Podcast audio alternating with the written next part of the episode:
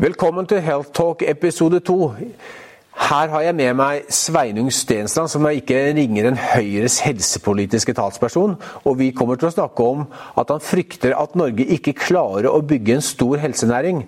Og han mener at pasienter bør få bedre tilgang til persontilpasset medisin. Og han vil si noen ord om hvordan få flere kliniske studier i Norge. Og sist, men ikke minst, så gir han hele helsebransjen noen gode lobbytips.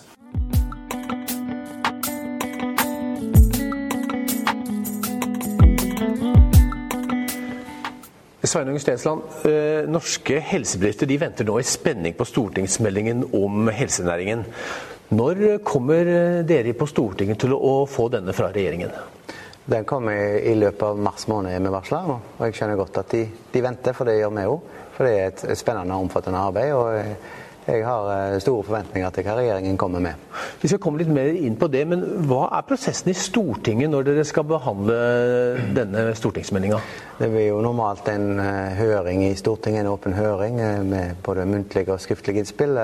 Komitébehandling der partiene får komme med sine anførsler, og eventuelt å gå imot det som står i stortingsmeldingen. Mm. Det kan òg komme forslag fra Stortinget som, som, kan bli vedtatt. Men normalt så blir meldingen sendt videre med noen bestillinger eller presiseringer fra Stortinget.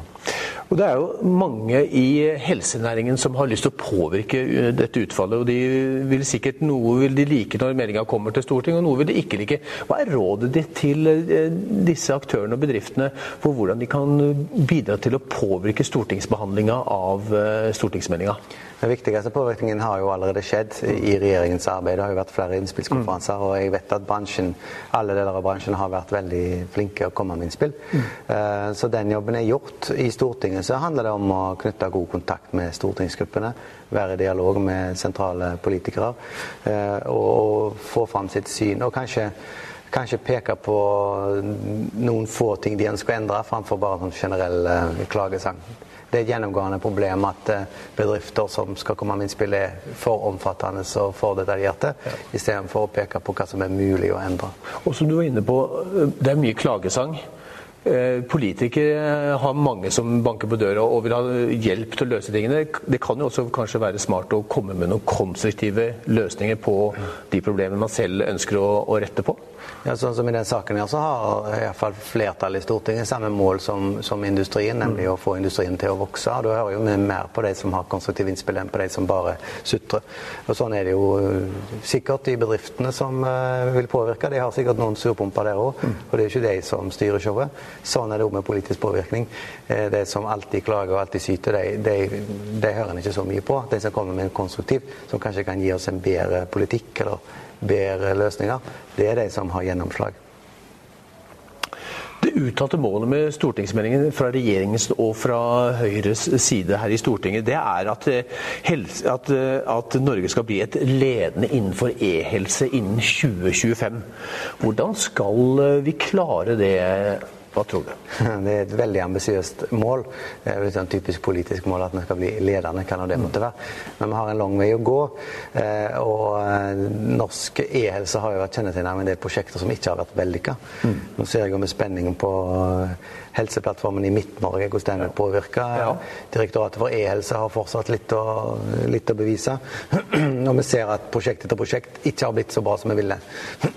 Et viktig grep er jo det å få på plass en egen digitaliseringsminister ja. som skal samordne det. Og det ser vi allerede at Astrup har tatt tak i en del viktige mm. ting allerede etter to måneders virke. Mm. Eh, det er helt åpenbart at eh, Erna Solberg mener alvor med digitalisering. Eh, og vi ser jo at trinn for trinn innenfor helsetjenesten så, så blir det bedre. Bedre mm. journalsystemer, bedre, bedre samordning mellom, eller samhandling mellom aktørene. Mm. Men vi er langt fra, langt fra i mål. I en kronikk i Dagens Næringsliv så gjorde deg til talsmann for at uh, det grunnleggende hinderet for å bygge en stor norsk helseindustri, det er uh, mangel på kultur for kommersialisering og en grunnleggende mistenksomhet mot kommersielle aktører.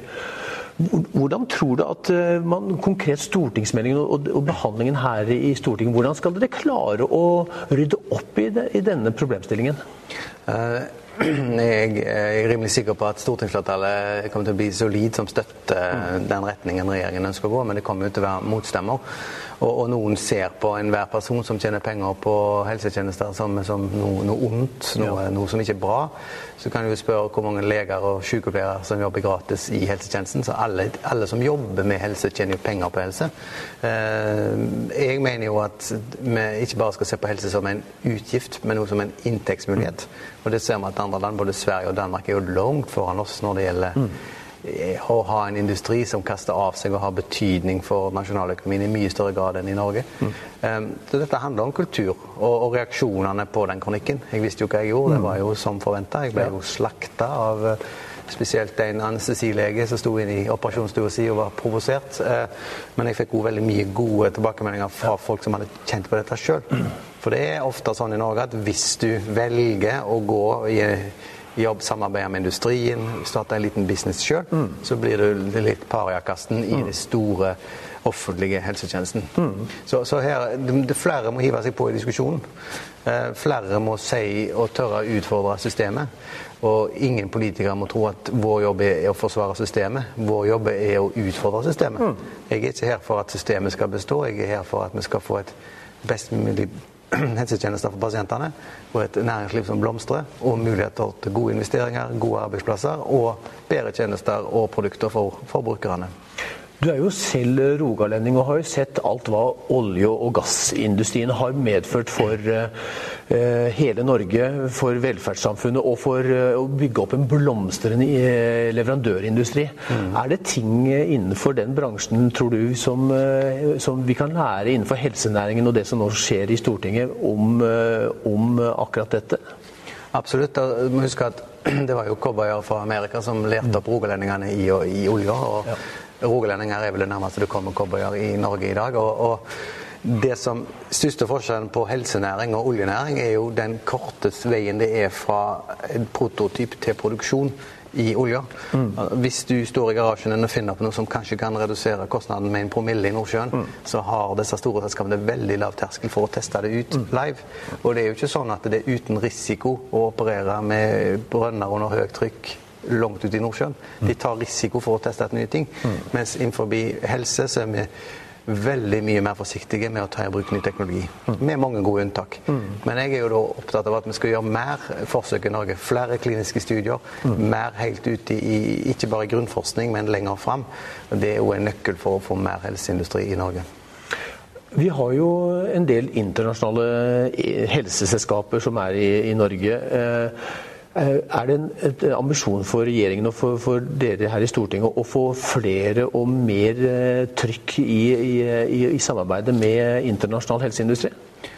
Det er i alle fall et mål for meg, Jeg tror nok regjeringen. Men mm. vi ser jo nå at det går litt i feil retning. Vi har mm. mista flere store, sist med Abvi, som ja. kutta ut den nasjonale ledelsen. Det er forferdelig triste nyheter. Og det handler jo om en innkjøpsfilosofi i Norge som er litt for preget av bare mm. se på kostnader og ikke ja. se på hele bildet. Noe som jeg mener er i strid med legemiddelmeldingen. Mm. Så det kan godt være regjeringen har samme ambisjon som meg, men da må en kanskje være enda tøffere på dette. Jeg er litt lei av at uh, vi sier at uh, innovasjon og lik tilgang skal være viktig, mm. men når alt kommer til alt, så er det bare pris. Og Hvis vi bare skal kjøpe det billigste produktet alltid, alltid skal presse hardest mulig på pris, mm. da vil vi tape noe når vi ønsker å tiltrekke oss innovative bedrifter fra utlandet.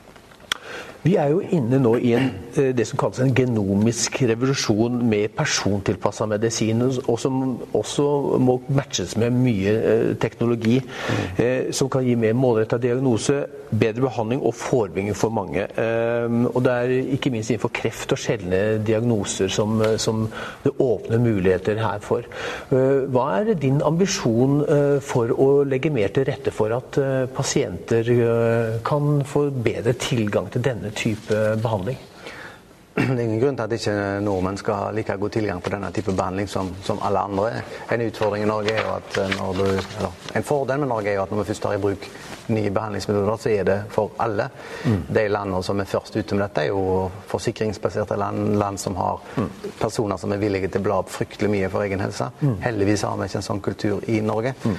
Eh, men min ambisjon er at dette skal på plass, og dette skal inn i den offentlige helsetjenesten. Og det mm. jobber vi i tråd med den ambisjonen. Mm. Men vi har utfordringer i Norge med både patologer og molekylære biologer, og den gruppa der må forsterkes ytterligere for at vi skal kunne ta unna. For det blir veldig mye diagnostikk når vi skal behandle så mye på enkelt, på enkelt individnivå. Sier du at det er, det er, flaskehalser i helsevesenet som er litt av uh, årsaken til at man ikke klarer å, å få å si, gjennomført nok behandling med persontilpassa medisin? Ja, ikke bare det, men det er en utfordring der. Det er jo selvfølgelig et økonomisk spørsmål. Hvordan skal en mm. prise mm. ja. disse tingene her? Og mm. Noe av terapien er jo engangsterapi. Ja. Hvordan skal du prise et legemiddel som du gir én gang med mål om at det er kurativt? Eh, det utfordrer den norske, den norske, måten å gjøre det på. Og jeg har jo sagt tidligere at den norske beslutningssystemet er ikke i stand til å takle mm. den revolusjonen du kaller det. Mm. Og nettopp derfor så har jo helseministeren han har satt i gang et arbeid for å se på hvordan beslutningssystemet kan håndtere dette. Så her, er vi, om ikke i forkant, så er vi iallfall på ballen. Interessant. Altså, I Norge har vi jo noe som heter Beslutningsforum, og, det, og der sitter jo de fire toppsjefene i, i, de regionale helseforetakene. Er det der dere tenker at ting må endres nå, slik at det blir mer transparens og åpenhet i beslutningen på valg av medisin? Jeg, jeg, er rimelig sikker på at det ikke er Beslutningsforum som er problemet, det, men, men, hele, hele metodevurderingssystemet ja. er en utfordring opp mot dette. Men vi ser at det blir bedre og bedre. Eh, men vi kan bli bedre på innkjøp. Eh, og eh, jeg har jo kritisert anbudsregimene for å være for alt eller ingenting. Mm. Og det må være mer fleksibilitet i innkjøpene enn vi har i dag. Men vi lykkes jo med å få ned pris. Bare i år så har vi på ett anbud spart en halv milliard, som jo kommer alle norske pasienter til nytte, og gjør oss mer i stand til å kjøpe nye og mer innovative mm. eh, produkter. Og det er altså bare i 2019 på ett anbud. Så, så at systemet gir oss mer helse for hver krone, det er helt åpenbart. På verdensbasis så er det bare 5-7% av kreftpasientene som tilbys å være med i kliniske studier på ny og innovativ medisin. Og eh, I Norge er bildet omtrent det samme. Vi, vi i Heltoff vi snakket med kreftlegen Roar Johansen, som nå jobber i IBM Watson. og Han sier at eh, hans ambisjon og han, det han ønsker, det er at eh, alle pasienter som blir diagnostisert med kreft, skal komme inn, inn, få en mulighet til å bli med i disse kliniske studiene, og at dette blir inn i pakkeforløpet for pasienten. Hva tenker du om det? Ja, Det er jo spennende tanker det å få det inn i pakkeforløpet. Det vi har sagt er at være, du skal ha en rett til å være med i studier mm. hvis det finnes tilgjengelige studier. Ja. Og Vi har også bygd opp en eh, database der det er lett for både klinikere og pasienter å se om det finnes tilgjengelige studier. Mm. Utfordringen er jo har vi nok studier i Norge. Norge må bli mer attraktivt som studiested. Ja. For det er, ikke, det er, ikke, for alle å reise ut i verden og bli med i en klinisk studie. Eh, den må jo skje i Norge. Så det viktigste vi kan gjøre, er å tiltrekke oss flere studier til Norge. Og da, da må vi ha en politikk som gjør at det er attraktivt både å investere i forskning, men òg å satse med lansering av nye produkter i Norge. Mm. Eh, den diskusjonen vi har nå om, om um, compassionate use gjør jo at det er mer krevende å få på plass kliniske studier. Derfor har jeg der valgt å gå ut veldig krast mot systemet. Mm. Fordi hvis, hvis en som bedrift skal påta seg kostnadene i hele pasientens levetid. Mm. Hvis en tar inn uh, ting i en studie, da er det selvfølgelig veldig vanskelig å regne hjem disse studiene. Og kreftpasienter da, som, som, trenger eh, og som, som, har forhåpninger om å komme inn i disse kliniske studiene. Det er jo en stor fortvilelse blant disse pasientene at det da kanskje ikke er tilgjengelig kliniske studier i Norge. Og så, så det du sier er at vi må få flere muligheter, altså det må bli mer kliniske studier som starter og som holdes på i dette landet? Absolutt. Derfor så har vi jo fått inn i regjeringserklæringen at vi skal lage en egen handlingsplan for kliniske mm. studier. Mm. Noe vi forventer blir materialisert i denne helsenæringsmeldingen. Norge er det eneste landet i Norden som ikke har en sånn handlingsplan. Mm. Eh, vi har ikke hatt et bevisst forhold til det, og vi har sågar sykehusmiljøer som ikke ønsker å delta i kliniske studier. Mm. Og Der kommer vi tilbake til eh, mine påstander om at vi har et kulturproblem. Hva kan pasientforeninger og, og industrien gjøre for å, å, få hjelpe deg til å få raskere fremgang i akkurat eh, dette, dette, dette forslaget? Jeg opplever jo at både pasientforeninger og industrien er veldig på i disse spørsmålene her. Eh, jeg eh, har jo en viss, eller jeg har stor sympati for legemiddelindustrien, som, som jo slåss med andre land for ja. å få virksomhet til Norge. Mm. Men det jeg opplever jo eh, når jeg snakker på tomannshånd med aktører i industrien, er jo at det er frustrerte over at Norge er for lite forutsigbart. Det gjør det vanskeligere å få aktivitet til Norge. Mm. Pasientforeningene i Norge er preget av høy profesjonalitet og de gjør en god jobb. Nå, nå snakker vi om kreft, så Kreftforeningen mm. virker virkelig, virkelig proffe på de tingene her. Mm. Fritt behandlingsvalg. Det er jo en, har vært et viktig instrument for regjeringen, og du har vært en sterk tilhenger av fritt behandlingsvalg. Mm. Det er, eh, Noen hevder at en fritt behandlingsvalg ikke er, ikke er noen stor suksess. Hva, hva, tenker du om det? Ja, Hvis en hadde forventa at det skulle skje over natt, og at mm. vips skulle uh, alt skje via fritt behandlingsvalg, så er det jo ingen suksess. Men uh, nå bare fra 2017 til 2018 så har vi nesten en dobling i antall Eh, pasienter som har brukt fritt behandlingsvalg. Mm. Så vi ser det. Vi har utfordringer innenfor en, enkelte diagnosegrupper. Mm. Eh, F.eks. innenfor ortopedi er det enkelte mm. inngrep som nesten ikke gjøres. Mm. Men innenfor hjerte, og spesielt innenfor rus og psykiatri, så er fritt behandlingsvalg en stor suksess. Eh, og, og, jeg har nok pasienthistorier og nok historier for de som driver med det, til å si at dette er en suksess der det har lykkes. Mm. Og dette er en god måte å jobbe på. Men vi er absolutt ikke i mål, og jeg skulle gjerne sett at vi kom lenger. For det er ledig kapasitet der mm. ute, og folk står i kø for å få behandling. Og de som står i den køen, de er ikke i arbeid. Derfor er det god samfunnsøkonomi å få folk raskest mulig ut i arbeid. Eh, vi har skrevet en, et innlegg i, i, Dagens Medisin som, som sier at, eh, at norsk, norske offentlige sykehus for å få ned køene og for å få brukt fritt behandling bedre, bør være flinke til å markedsføre nettopp at det er ledig kapasitet på de mm. sykehusene. Mm. Er, hvorfor tror du at det i altfor liten grad skjer? At de går åpent ut og markedsfører dette som om de skulle vært et privat sykehus? Er det, er det mulig å få til? Ja, altså, De offentlige sykehusene har jo en egeninteresse i å fylle opp kapasiteten, for ja. da får de jo mer DRG og økt ISF. Eh, samtidig så har de ikke en motivasjon til å, å, anbefale folk å ta i privat regi, for da taper jo på papiret helseforetakene eh, ressurser. Mm. Det beste for helseforetaket er å ta alt sjøl, ja. men da har du en helt jeg mener, absurd tanke på pasienten. Mm. For vi har ikke en helsetjeneste for sykehuset sin del, vi har en helsetjeneste for pasientene sin del.